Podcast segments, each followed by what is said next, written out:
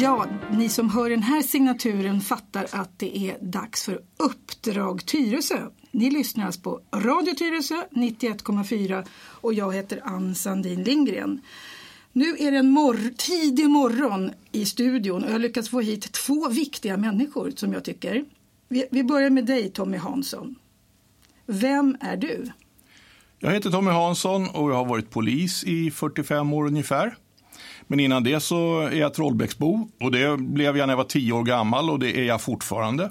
Har... Är du tio år gammal fortfarande? Ja, det också till sinnet. Ja, men, men i, i, verklig ålder så är jag till och med deltidspensionär. Men när jag inte är deltidspensionär så är jag polis. Fast jag är också facklig företrädare. Så jag representerar poliserna i Region Stockholm som det heter. Eh, och gör även en hemsida som heter blåljus.nu. Den heter blaljus.nu? Ja, man kommer nog dit hur man än skriver tror jag. Så Aha, okay, den har blivit så pass internationell nu så vi har ån också. Okej, okay, ja. Och det är en fantastiskt bra hemsida därför du länkar ofta till både fack, alltså såna här om man vill leta siffror, om man vill veta vad som händer inom polisen så kan man hitta massvis med saker på din hemsida. Ja, det är ju lite, det är ganska mycket åsikter så att det kan vara då att det kommer nyheter om polisen så lägger jag ett fackligt perspektiv på det och ibland lägger jag även mitt eget perspektiv på det ska jag säga fast ofta stämmer det rätt bra med det fackliga perspektivet. Och den andra viktiga personen jag har här i studion denna morgon, tack vare dig är vi här klockan 7.30. Det är nämligen, vem då? Mattias Tegnér heter jag. Jag är riksdagsledamot för Socialdemokraterna och kommer här från Tyresö. Ja. Och bott här sedan jag var fem år. Ja, titta. Och du känner dig som fem år? Jaha, ja, jag är fortfarande fem år. För du känner dig jämnår med din son som är fyra år? Mm, precis. jag, är, jag, är, ehm, jag är väl 38 tror jag. Ja, mm. det är ju faktiskt väldigt ungt tycker jag då. Nu ska jag inte tala om hur gammal jag är. Och jag har också bott i Tyresö. Är inte det lite elakt? Du tvingar jo, oss att berätta det och jo. sen så mörkar du själv. Ja, okej. Okay. Då får de lära sig räkna. Jag kom hit 1964 och då var jag sex år. Nu ska vi faktiskt prata om siffror lite grann. Därför att, det vet kanske inte du har hört Tommy, men det var så här att året började väldigt bra för Mattias och mig. Vi gjorde ett program som handlade egentligen om Socialdemokraternas ja, start på året kan man säga. Då lyckades vi prata om polisen och satsningar på polisen. Och då hade vi lite olika åsikter. Och nu ska vi spela upp vad du sa och jag sa i det programmet. För efter det programmet har du lovat, eller jag har tvingat dig att komma hit. För vi ska prata då om det här med hur är det för polisen och är det, ökar de eller minskar de? Så nu lyssnar vi på det klippet. Men det tror jag på sikt. Så nu har man gjort en, en, en stor reformering av Polismyndigheten ja. och det kan man säkert liksom diskutera mycket om. Men, men i grund och botten just nu så blir det ju fler poliser. Ja. Vi har ju fördubblat antalet eh, personer som kan studera på polishögskolor. Så att just nu så är vi på väg mot att det faktiskt ska finnas fler poliser. Och det ska ju också ge möjligheten till att det Jag faktiskt vet finns Mattias, lokala. men tyvärr slutar det fler poliser än det börjar. Fast så är det faktiskt inte just nu. Just nu? Nej, det där är faktiskt 900 på. poliser om året slutade. Men okay, Fast det där är faktiskt inte sant. Okay. Det där är inte sant. Inte Man får inte sprida saker som inte är sanna. Okej, okay, då ska vi kolla på det. För ja. att jag tog fram siffror i ett annat program för ett år sedan. Det kanske mm, var gamla siffror. Men det ändras ganska mycket. Okay. Och, och, tidigare så var det så att man utbildade ungefär 500 poliser per år. Nu har vi ökat det så att det är 1000 poliser ja. per år. Mattias, jag bjuder in dig till det programmet som handlar om polisgrejerna. Jätte, jättegärna. Så pratar vi om det. Mattias? Du kommer ihåg, det här ja, var det vi pratade om. Jag tyckte inte det var så farligt Nej, det var inte så, Vi var jag tyckte så... jag var lite hård mot dig. Det tyckte inte jag. Jag tyckte det var kul att det blev lite energi i rummet. Ja, får jag, får jag, vad har du för kommentarer nu då? Nej, men det man kan säga, tänker jag, är att jag tycker att det är viktigt att börja med att säga så här att eh, det finns problem inom polisen och därför behövs det fler poliser. Det den här regeringen har gjort det är ju faktiskt att, att försöka skapa möjligheter för att det finns fler poliser och fler anställda inom Polismyndigheten. Eh, historiskt så har det utbildats ungefär Eh, 700 poliser, 600-700 poliser och 500 gått i pension. Och det är klart att då finns det väldigt få marginaler för att det ska bli fler poliser. Numera så försöker man ju utbilda 15-1600 vilket gör att man faktiskt på sikt kan få fler poliser. På kort sikt har man ju sett till att, att det blir fler civilanställda.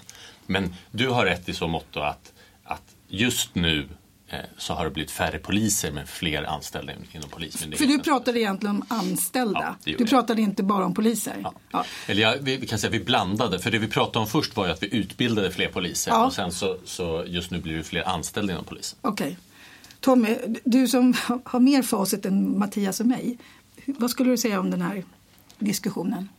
Ja, men det har ju blivit någon sorts blame game nu när man, där, eh, i, i politiken framför allt. Där man från olika sidor menar då på att eh, de andra inte tar saken på allvar och inte sätter till tillräckligt med resurser. Men det har ju hänt de sista tre åren eh, och mandatperioden är fyra år bevars. Så att jag menar, i början på den här mandatperioden 2015 när man inledde den stora polisreformen, det får man aldrig glömma. Då talade Thomas Rolén som är polisreformens fader om vad det skulle kosta att genomföra polisreformen om dess mål skulle uppnås om de inte skulle omintetgöras, som han sa. Och det skulle kosta 2 miljarder kronor. Mm. Sen la man en budget, och det var ju en alliansbudget, första budgeten på den här mandatperioden. Och där man, la man inga pengar. Och det var man överens om. Det, det fanns inget annat förslag från Socialdemokraterna. Utan bägge parter ville då lägga lite, lite, lika lite pengar. Sen har det efterhand eh, under, ett visst, eh, under en viss tröghet skett en omsvängning. Nu ligger det stora budgetförstärkningar för polisen i framtiden. Det handlar om 7 miljarder kronor Sju. till. Det är och det är väldigt mycket pengar. Problemet med det, det är bara det att det tar ju sån tid att utbilda poliser. Det tar Ja. ju innan du har en färdig polis så kan du säga minst tre år. Mm. För då har de gått sin, både, både blivit rekryterade, gått utbildningen och gjort sin praktik och börjar funka som poliser. Sen blir de erfarna efterhand naturligtvis. Mm. Så det, det är sant, sant att det är väldigt mycket mer satsningar på polisen. Det har man gjort nu. Ja, det, det sker nu och framförallt framöver. Ja. Eh, och, och bekymret då det är ju det här att det har blivit många fler människor också. Det har ju ökat, alltså Sveriges befolkning ökar ju med styvt 100 000 per år de sista fem åren kan man säga. Och, det har vi, och vi har exakt lika få poliser eller till och med aningen färre. Och, och då mm, är det svårt att räcka till och särskilt om poliserna ska försöka göra ett bättre jobb. Det kan ju handla om att vi ska vara bättre på barnutredningar, på brott mot kvinnor, vi ska ta hand om IT-brotten, vi ska ta hand om alla bedrägerier och så kommer terror och annat till det. Och när vi ska göra allt detta då blir det någonting som tar stryk och det har ju blivit den här nära brottsförebyggande verksamheten. Mm. Och det är ett stort bekymmer för det är ju det som är framtidens ungdomar. De behöver ju se en polis och känna en polis. Och idag är det ofta inte så. Nej. Och i Tyresö till exempel är det väldigt speciellt. Vi har ju inte längre någon polisstation här och vi har ingen närpolis. Ja, det är helt bedrövligt. Det ska ju skötas av Nacka som ligger långt bort i skogen någonstans, höll jag på att säga. Från oss sett då. Ja. Med, Medan eh, Handen som ligger närmare, de har inte heller en nattöppen polisstation. Mm. Utan, utan man ska ju ta sig ända bort till Flemingsberg eller Västberga för att komma till någon, någon, någon sorts polisservice om det är nattetid. Och saker händer på nätterna, det vet jag från mitt yrke. Ja. Mattias?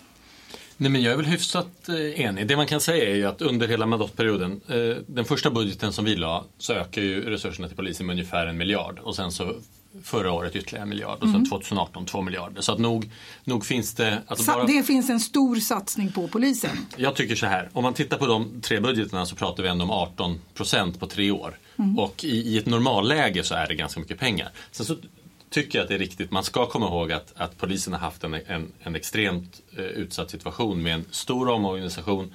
Eh, man fick också eh, betydligt mer eh, arbetsuppgifter inom ramen för, för eh, när vi införde gränskontroller och sådär, vilket också påverkar polisen. Och sen så, så eh, dessutom så, så har det liksom pågått ett gängkrig som, som faktiskt har, har drivit ganska mycket resurser. Ja. Eller väldigt mycket resurser. Så mm. jag är helt enig om att polisen har haft en utsatt situation och det är också därför vi tillskjuter redan nu 2018 2 miljarder, vilket är väldigt mycket mm. pengar. Men framförallt då, precis som du sa, under de närmsta tre åren så är det ju 7,1 miljarder. Ja, och, och, och, jag tog fram siffror som jag då hittade på blåljus.nu, för det är dit jag går, det är min källa för... Inte regeringen.se?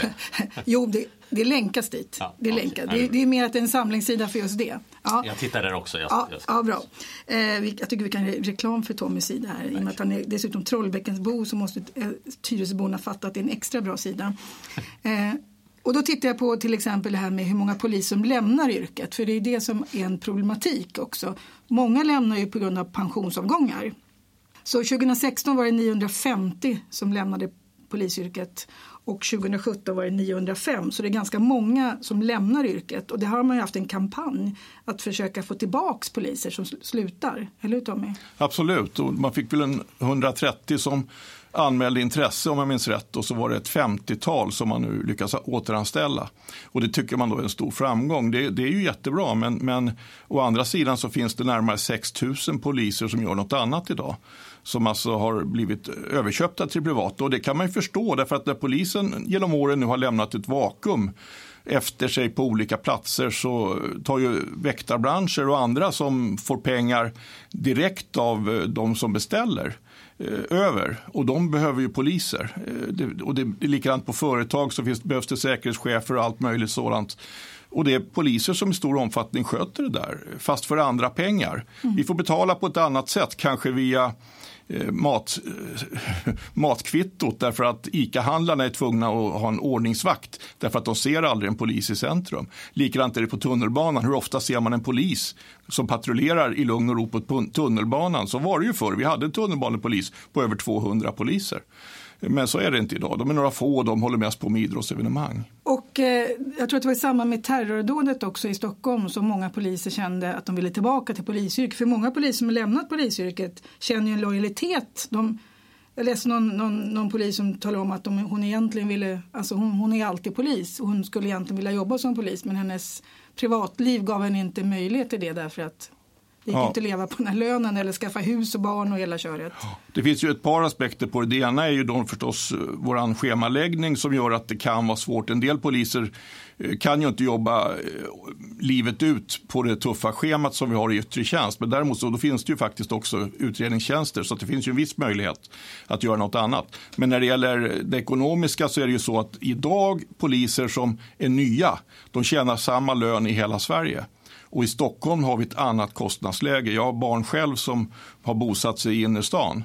Och ska man överhuvudtaget bo, eh, till och med i Tyresö då, som en gång i tiden var, var en hyfsad lågpriskommun, så, så då ska man ha en hyfsad lön för annars så blir man ju skuldsatt upp över öronen. Och det är inte heller bra att poliser ska vara mm, ekonomiskt sköra. Det är faktiskt en risk.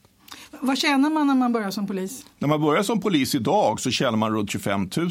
Och då har man ändå gått en treårig en treårig utbildning, man kan säga åtminstone två och ett halvt år har man fått finansiera med studieskulder. Med, med studieskulder. Ja, det har man mm. och, och, det är väl också en, en problematik Mattias, även om man, om, om man nu från riksdagen och regering satsar massa pengar så bestämmer ju inte ni hur Polismyndigheten ska använda pengarna. Och ni bestämmer heller inte polislöner. Nej, men det tror jag inte, jag ser inte det som ett problem utan jag ser det som något som är ganska positivt. Alltså, vår uppgift är att se till så att det finns resurser så att man kan satsa på polisen. Men polislönerna ja. bestämmer inte regering nej, nej, och riksdag över? det gör vi inte. Vi ska inte den svenska arbetsmarknaden fungerar ju inte så, så att, eh, så att politiker bestämmer löner. Det tror jag heller inte hade varit särskilt bra. Nej. Däremot blir vår uppgift att se till att det finns utrymme i budgeten så att lönerna kan öka. Så det är inte så att vi, det är klart att politiken har ett ansvar också för hur, hur, mycket, hur stort hur mycket pengar som kan avsättas ja. till löner. Men ytterst så är det inte politiker som ska sätta löner och det tror jag är bra. Men, men Tommy, varför höj, höjer man inte polislönerna ordentligt i Stockholm? Ja, alltså det har ju funnits ett budgetunderskott under många, många år, vilket har gjort att polisen från att ha varit bland, inte löneledande, men har legat bra till i staten, så ligger vi nu bland de sista eh, yrkesgrupperna i staten med motsvarande tjänstemän. Då. Om man jämför med förskollärare som kan vara en bra jämförelse så tjänar en polis för, för, förr i tiden så att säga, något mer och nu tjänar man något mindre.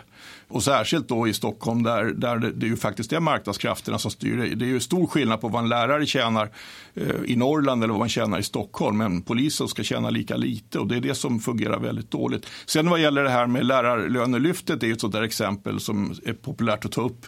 Och det har ju inte blivit någon jätte... Vad, vad är det Lärarlönelyftet. Vad är det ja, lärarlönelyftet innebär ju att man har eh, låtit en del lärare få 3-4 tusen kronor extra medan alla andra lärare inte har fått någonting. Ja, och det är alltså en, en regeringssatsning, inte från den här regeringen utan en tidigare regering. Mm. Och eh, det ledde ju mest till split. Eh, det vill säga en del så ansåg sig mm, förbigångna och andra fick nästan skämmas när de kom in i lärarkollegiet. Det, det gynnar liksom inte samarbetet. Och därför är det bra tycker jag att de fackliga organisationerna och arbetsgivaren kan fördela ett löneutrymme. Men löneutrymmet måste finnas mm. och det har det inte gjort hittills. De där två miljarderna som kom i början, de gick åt till att anställa civilanställda och fixa till lite trasiga datasystem som vi hade.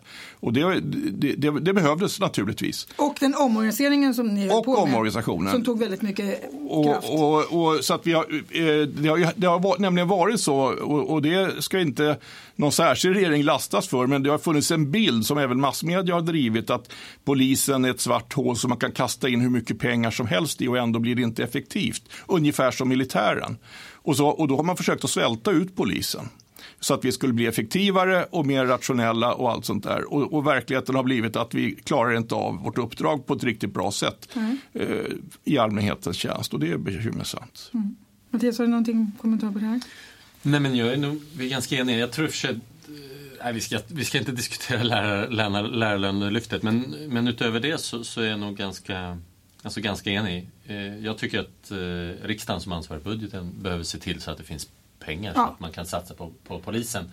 Sen så behöver man liksom, inom Polismyndigheten göra sina egna prioriteringar. Det blir bara konstigt om politiken skulle göra det. Sen så har min utgångspunkt alltid varit som, som politiker inom ramen för, för bostadspolitiken. Det är ju att vi behöver se till att vanliga människor, en, en polis och sjuksköterska kan bo också i Stockholm. Eh, och där, där handlar det ju om, om, om, flera saker men där behöver man ju också ha en, en bostadspolitik som gör att, att vanliga människor också kan bo i, i storstäder. Ja, liksom. det är det. Tommy, vad skulle, vad skulle en eh, schysst polislön vara för att poliser skulle liksom välja polisyrket? Jag tror att i Stockholm så skulle mm. vi nog behöva närmare 30 000 som ingångslön. Och sen efter säg, sex år i tjänst skulle man kunna ha 34-35. Det skulle fungera. Då tror jag till och med att väldigt många som har lämnat yrket skulle söka sig tillbaka. Det finns utredningar, bland annat från högskolor, som har testat vad är det som gör att poliserna lämnar. Och bortsett, bortsett från arbetstiderna som en del kan ha som ett bekymmer så är det faktiskt löneläget som är det absolut mest vanliga skälet till att man byter jobb. Och många av de som har bytt längtar tillbaka till kollegialiteten, man längtar till och med tillbaka till jobbet för det är ändå ett utmanande och ganska spännande arbete. Det ska mm. man inte glömma. Nej. Och då ska vi kolla på det här med utbildningsplatserna som du och jag diskuterade också då i programmet. Mm. Då var det så, du, hade, du har helt rätt, 2015 så fanns det bara 600 platser eh, per år och 2017 var det 1600 platser. Så det är en enormt stor ökning, nästan tredubbelt. Och den här våren så sökte faktiskt över 9000 personer till de här skolorna. Däremot så antogs bara 624 eh, som de klarade prövningen och nu går bara 541 på utbildningen. Varför är det så Tommy? Ja, det finns flera orsaker. Eh, och den främsta orsaken det är ju faktiskt att vi måste ha bra poliser. Vi kan inte ta in vem som helst och göra, hänga på vederbörande en uniform och så ser man nu är du polis. Eh, därför att en polis ska ju klara av även omöjliga uppgifter. Vi ska ju kunna springa fram när det kommer en terrorist på Åhléns eller när det springer en idiot och skjuter folk på en skola eller, eller springer med ett svärd på en skola. Då ska vi vara beredda att ingripa och klara av det. Och sen ska vi kunna rapportera på ett sådant sätt så att vederbörande kan bli dömd också. Och då krävs det både huvud och, och lite kropp och lite annat. Eh, dådkraft som det kallades förr i världen. Dådkraft? Ja, faktiskt. ja. Eh, och, och, så att vem som helst kan inte bli polis och det ska inte vara så. Utan vi ska ha ett sådant löneläge tycker jag och även såna, en sån arbetsmiljö så att många ska vilja bli polis, så är det redan. Men det ska vara många lämpliga som vill bli polis, som klarar av det här jobbet på ett bra sätt. Därför att om en polis gör ett fel så får vi läsa om det i tidningarna och då blir hela polisen lidande.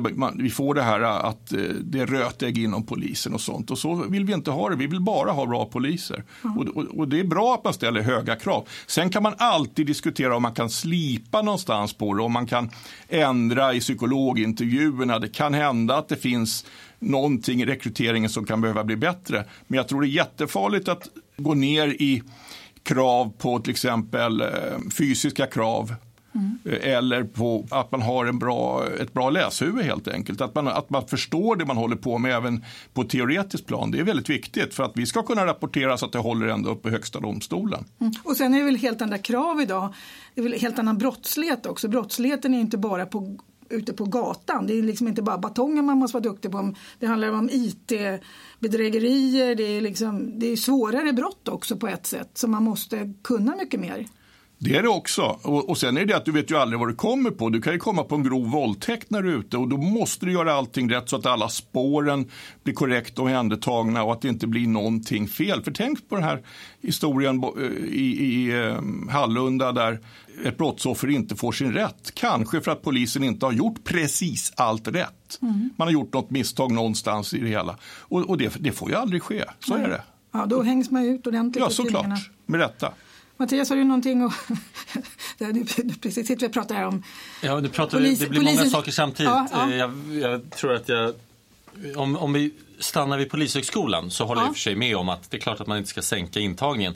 Däremot så tycker jag nog, där får jag nog säga att jag tycker att, att er ordförande eh, för Polisförbundet, när hon har varit ute och diskuterat det här, så tycker jag ändå att hon har, har talat lite mer om det faktum att Polismyndigheten inte har har, har tagit in antal reserver, alltså personer som har klarat testerna men att man ändå inte har tagit in nog med reserver eh, så att man har faktiskt gjort en del, en del administrativa missar som faktiskt hade kunnat göra att det var fler som hade eh, kunnat gå och, och läst eh, på Polishögskolan. Så jag tycker nog att de delarna är, är minst lika viktiga att att, att diskutera. För vi behöver ju fler poliser och, och, då är det ju viktigt att de som faktiskt är lämpliga också får utbilda sig till, till poliser. Och det har ju ändå, den, den bilden tycker jag är viktig att ta upp. Mm. Eh, för att det finns faktiskt människor som vill bli poliser, som är lämpliga men som nu inte utbildas för man har gjort en del missar. Mm. Och det behöver man se till. För tittar man på den statistik som, som är nu Eh, nu var det några ny, nya siffror om att eh, 70 procent är kvar sedan två år tillbaka. Men den siffran är väldigt, väldigt svårt att förstå, det som kom ut via SCB.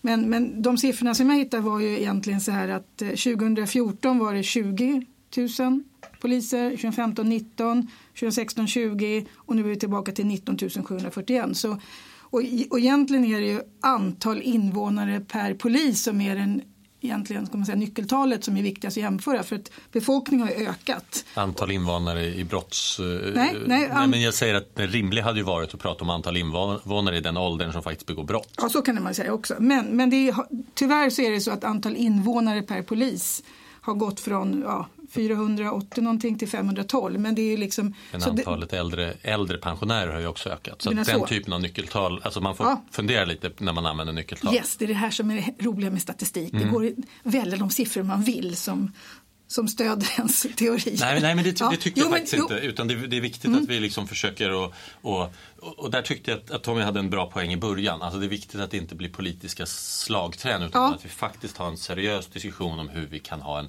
en polis som fungerar, fungerar bra. Och då behöver vi försöka bli av med de värsta exemplen på, på statistik och försöka liksom komma till kärnan. Vad är det som behövs för att vi faktiskt ska kunna åtgärda de problem som finns. Ja.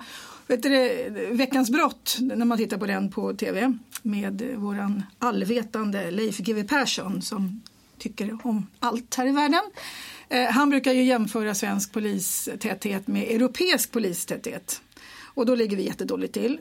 Men är det inte också så Tommy att i Europa där går vanliga poliser, det är de som är i tunnelbanan medan i Sverige har vi ett väkt, heter det väktare, ordningsvakter? Ja, och trygghetsvärdar. Det finns hundra olika namn med olika befogenheter. Så att, men, men olika typer av privata lösningar skulle jag kalla det för. Ja, så att de, det som förut då var 200 poliser ja. i tunnelbanan är nu ett antal hundratal. Ja, de är många fler så att det är inte fråga om den saken. Men väktarbranschen är dubbelt så stor som polisen. Ja, ja. och då är det väktarbranschen som är utbildad till viss del av polisen, väldigt kort utbildning. Ja, precis. Det är och tio har, dagar. Och får gripa folk. Och, ja, visst, det får och, ju. Mm. Ja. Medan är det ordningsvakter som bara får göra som vi andra? Ja, det, det, där är nu ett, ett krångel som jag ska säga att det är inte jag specialist på. Men, men, det finns två varianter och den ena har större befogenheter än den andra. Men bägge två är ganska rudimentärt utbildade kan vi säga. Ja, ja. Kan man inte säga också bara, bara igen för att ge den här bilden, jag är mm. helt enig, men mm. Om man tittar på Norden så, så, har ju Sverige flest poliser också om man tittar per, per capita. Är det så? Ja, så är det. I, I, alla fall de siffrorna som jag såg som var ett par år gamla. Igen, nu kan det finnas skillnader mellan länderna, alltså man får ju passa sig lite när man jämför, men de nordiska länderna är ju mer jämförbara och där är vi inte sämst i Europa utan Nej. där ligger vi snarare eh, högst upp. Fast det, fast det där, ja, vi har många äldre och, och, och så, det låter ju som att polisen bara skulle behöva titta till pensionärsstugorna då. Men, men det är ju inte riktigt så heller därför att det har ju uppstått då en väldigt, väldigt grov brottslighet. Va? Och jag menar, bara en sån sak som det här terrordådet, det går, kan ju gå åt hundra poliser i ett halvår för att utreda det. Och varenda skjutning drar ju massor av poliser för att inte tala om eh, våldtäkterna som sker i Malmö och på andra ställen det drar mycket poliser allt detta och, och, och, till det kommer att vi har ett skuggsamhälle där människor inte är registrerade. De finns inte. Vi vet inte ens vilka de är. De, de finns någonstans och far under radarn. Det, det, drar enorma resurser att försöka komma till rätta med de här sakerna. Det har man inte i Finland skulle jag våga påstå.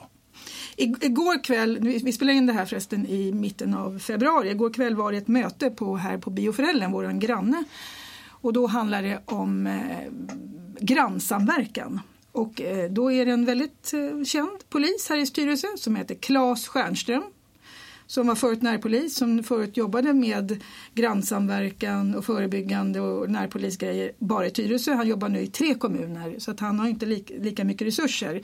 Men nu kan man även visa i Tyresö att våra siffror går åt fel håll eh, när det gäller väldigt många här Eh, det är mer inbrott alltså, och de drog en massa siffror. Det kommer vara ett speciellt program om det. För vi har en sån här brottsförebyggande ja, enhet i kommunen som jobbar med det här. Men där jobbar man ju väldigt mycket med att när brotten har inträffat så registrerar man dem och talar om att nu har, någon varit, har det varit inbrott i Öringen, det har varit inbrott i Fågelvägarna i Trollbäcken och så vidare. Och där är det liksom, det finns en massa förebyggande saker men det handlar ju om oss grannar som ska göra det jobbet. Att vi ska kolla varandra och larm och DNA-märkning och vad, vad det är för någonting. Så den stressen blir ju väldigt stor tycker jag bland de människor jag pratar med. Mm. För, för, ja, du har ju själv tagit fram några siffror Ann, mm. som ändå visade på att det senaste året har gått ner eh, ja, det, kunde, grann. det kunde de inte förklara. Nej. Därför att eh, väldigt mycket av de här siffrorna, för det, om man går in på kommunens hemsida så ligger kurvorna, så mm. på längre sikt går de uppåt men sen förra året gick de ner. Mm. Men det visste de inte om det berodde på dålig att man har kommit efter med registreringen. Eh, när det, ja, det var massa såna här byråkratiska saker som gjorde att de inte kunde tala om varför vissa siffror gick upp och varför vissa, vissa siffror gick ner. Men, men generellt sett så är det mer inbrott. Det är väl en av anledningarna till att det faktiskt är bra att använda Brottsförebyggande rådet som tittar på längre perioder ja. och man ser längre trender. Ja. Alltså, och det är igen här, när, när mycket, för mycket av debatten populariseras så finns det en risk att man, alltså att man slänger sig med siffror på ett sätt för att bara be, be, heter, beskriva sina egna teorier. Min mm. bild är för övrigt också att, att här, ja, men inbrotten ökar i Sverige, framförallt i, i södra delen av Sverige. Och där borde man fundera på det som man till exempel har gjort i Holland. Eftersom man, bedömningen är ändå att en ja, jag har hört olika siffror, men mm. en, en, en, stor del ändå utförs av, av ligor som kommer från andra delar av Europa. Det, tror man, det trodde man här ja. också. Och städer som ligger i närheten av färjelägen, ja, okay. Stockholm till exempel, har mer, ja, trodde Claes Stjernström. Holland har i alla fall testat att, att ett par kilometer från, från gränsen att ändå ha övervakningskameror för att ändå ha en, en koll på vilka bilar som, som passerar ut och in genom landet. Och det har fungerat ganska bra i Holland. Jag tror inte att det är någon universallösning men jag menar bara att vi behöver ha en, en, en, seriös diskussion om vad problemen är. Så utöver fler poliser, vad är det vi behöver för att faktiskt komma åt mm. eh, problemen? Och det, och... Ja, det tycker jag är jättebra. Alltså jag kan säga så här, i debatten i Sverige så eh, går ju liksom fram och tillbaka och som en pendel. Och det var inte många år sedan man hade jättestora debatter i riksdagsmän grät över FRA-lagen, att vi skulle ha mer avlyssning och, och, kontroll på dator, datorer och sådant där. Och nu däremot efter Akilov så får Säpo och polisen kritik för att vi inte hade full koll på vad han höll på med på sina hemliga chattar. Men, så att ena gången så säger man det, nej nej och så andra gången säger man jo jo och på samma sätt är det med, med de här övervakningskamerorna. Alla är säkert jätteglada att det satt en övervakningskamera just i den tunnelbanestationen som ja. Akilov valde att springa ner i.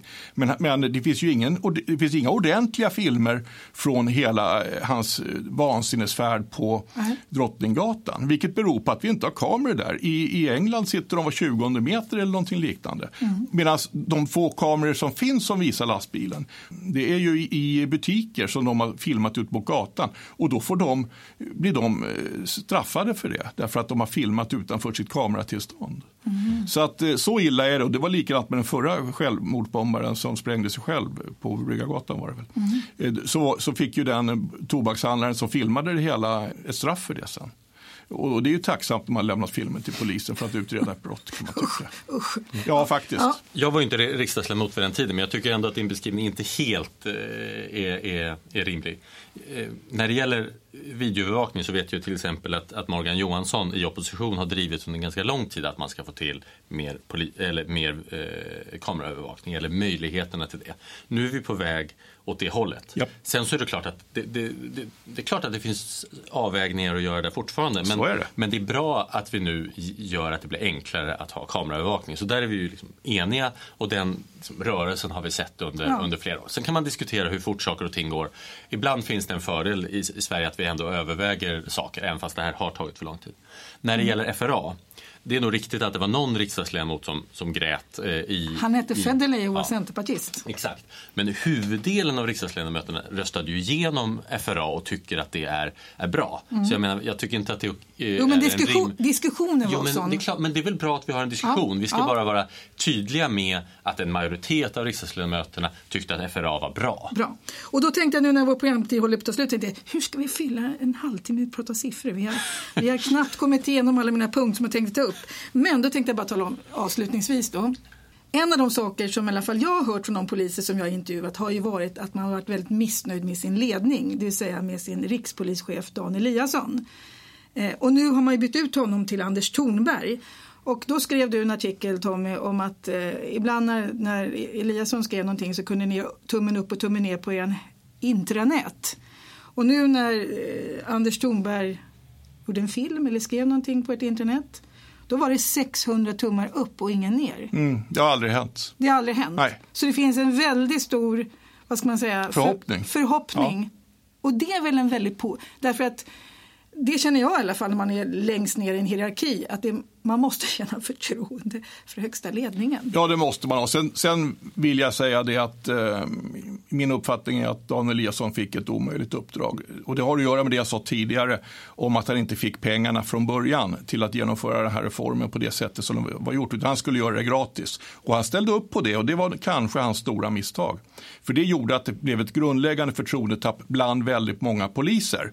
Eh, och sen har han fått, eh, han har fått väldigt mycket, tycker jag, även oberättigad kritik. Han har gjort det han har blivit tillsagd och ålagd av politikerna och det har han genomfört som en ordentlig tjänsteman ska göra. Eh, så att jag vill inte vara för kritisk mot Dan Eliasson faktiskt. Nej. Men det är väl positivt nu att man har i alla fall, att det finns en stor förhoppning, för det är viktigt tycker jag att det är en rikspolischef som poliserna själva känner förtroende för, eller hur Mattias? Absolut. Ja. Men jag kan inte bara, jag kan inte göra något annat än att, att hålla med er. Jag tycker att det är positivt att, att eh, det är positiva tongångar inom polisen eh, och eh, ja, det, det, kommer det kommer tålas att fundera mycket på, på vad som gick fel i, i den här omorganisationen som har skett inom polisen. Ja. Några slutord från Tommy Hansson som är fackligt aktiv och ett Trollbäckensbo, det ska vi återigen säga. Har du några, några reflektioner nu kring det här? Ja, vi kan ju hoppas att det här nu leder till att fler poliser av de här 6 000 väljer att komma tillbaka. För det är ju faktiskt det som vi mest skulle behöva. Nå några fler konstaplar som är redo att ta tag i de problemen som vi har. Eh, säg att vi skulle få tillbaka var femte av dem, då hade vi plötsligt tusen poliser. Det är ju ganska hög ambition. Och då tror jag man både behöver höja lönerna och förbättra arbetsvillkoren ganska rejält. Och jag är inte säker på att det kommer hända det närmsta året, eller snarare tvärtom. Det pågår förhandlingar nu och jag är orolig för att det inte kommer att hända. Och därför är det viktigt med den fackliga verksamheten inom polisen. Ja, vi jobbar ju för detta varje dag och varje ja, minut. Ja. Så är det. Och din hemsida heter alltså blåljus.nu eller blajus.nu. Mattias, vad är dina slutord efter den här klargörande diskussionen där vi problematiserar kring siffrorna när det gäller polis, antal poliser. Nej, men jag tycker att det är viktigt att utgå från eh, att vi har utmaningar, vi har problem i Sverige när det gäller eh, gängkriminalitet.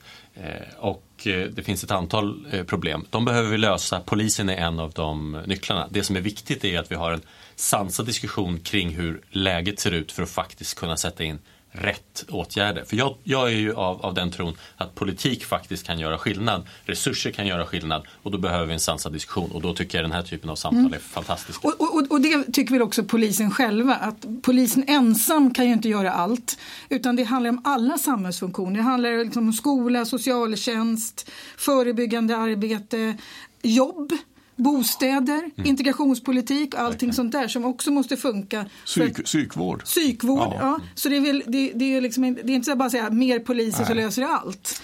Men poliser... Jag vet inte om ni såg på Stockholmspolisen i TV4 så sent som igår. Igår i då mitten av februari, ja. Mm. Ja, exakt. Där, där, där, såg man hur poliserna får åka runt då med de här samhällets olycksbarn som mår så oerhört dåligt mentalt och med missbruk och allt vad det är för någonting.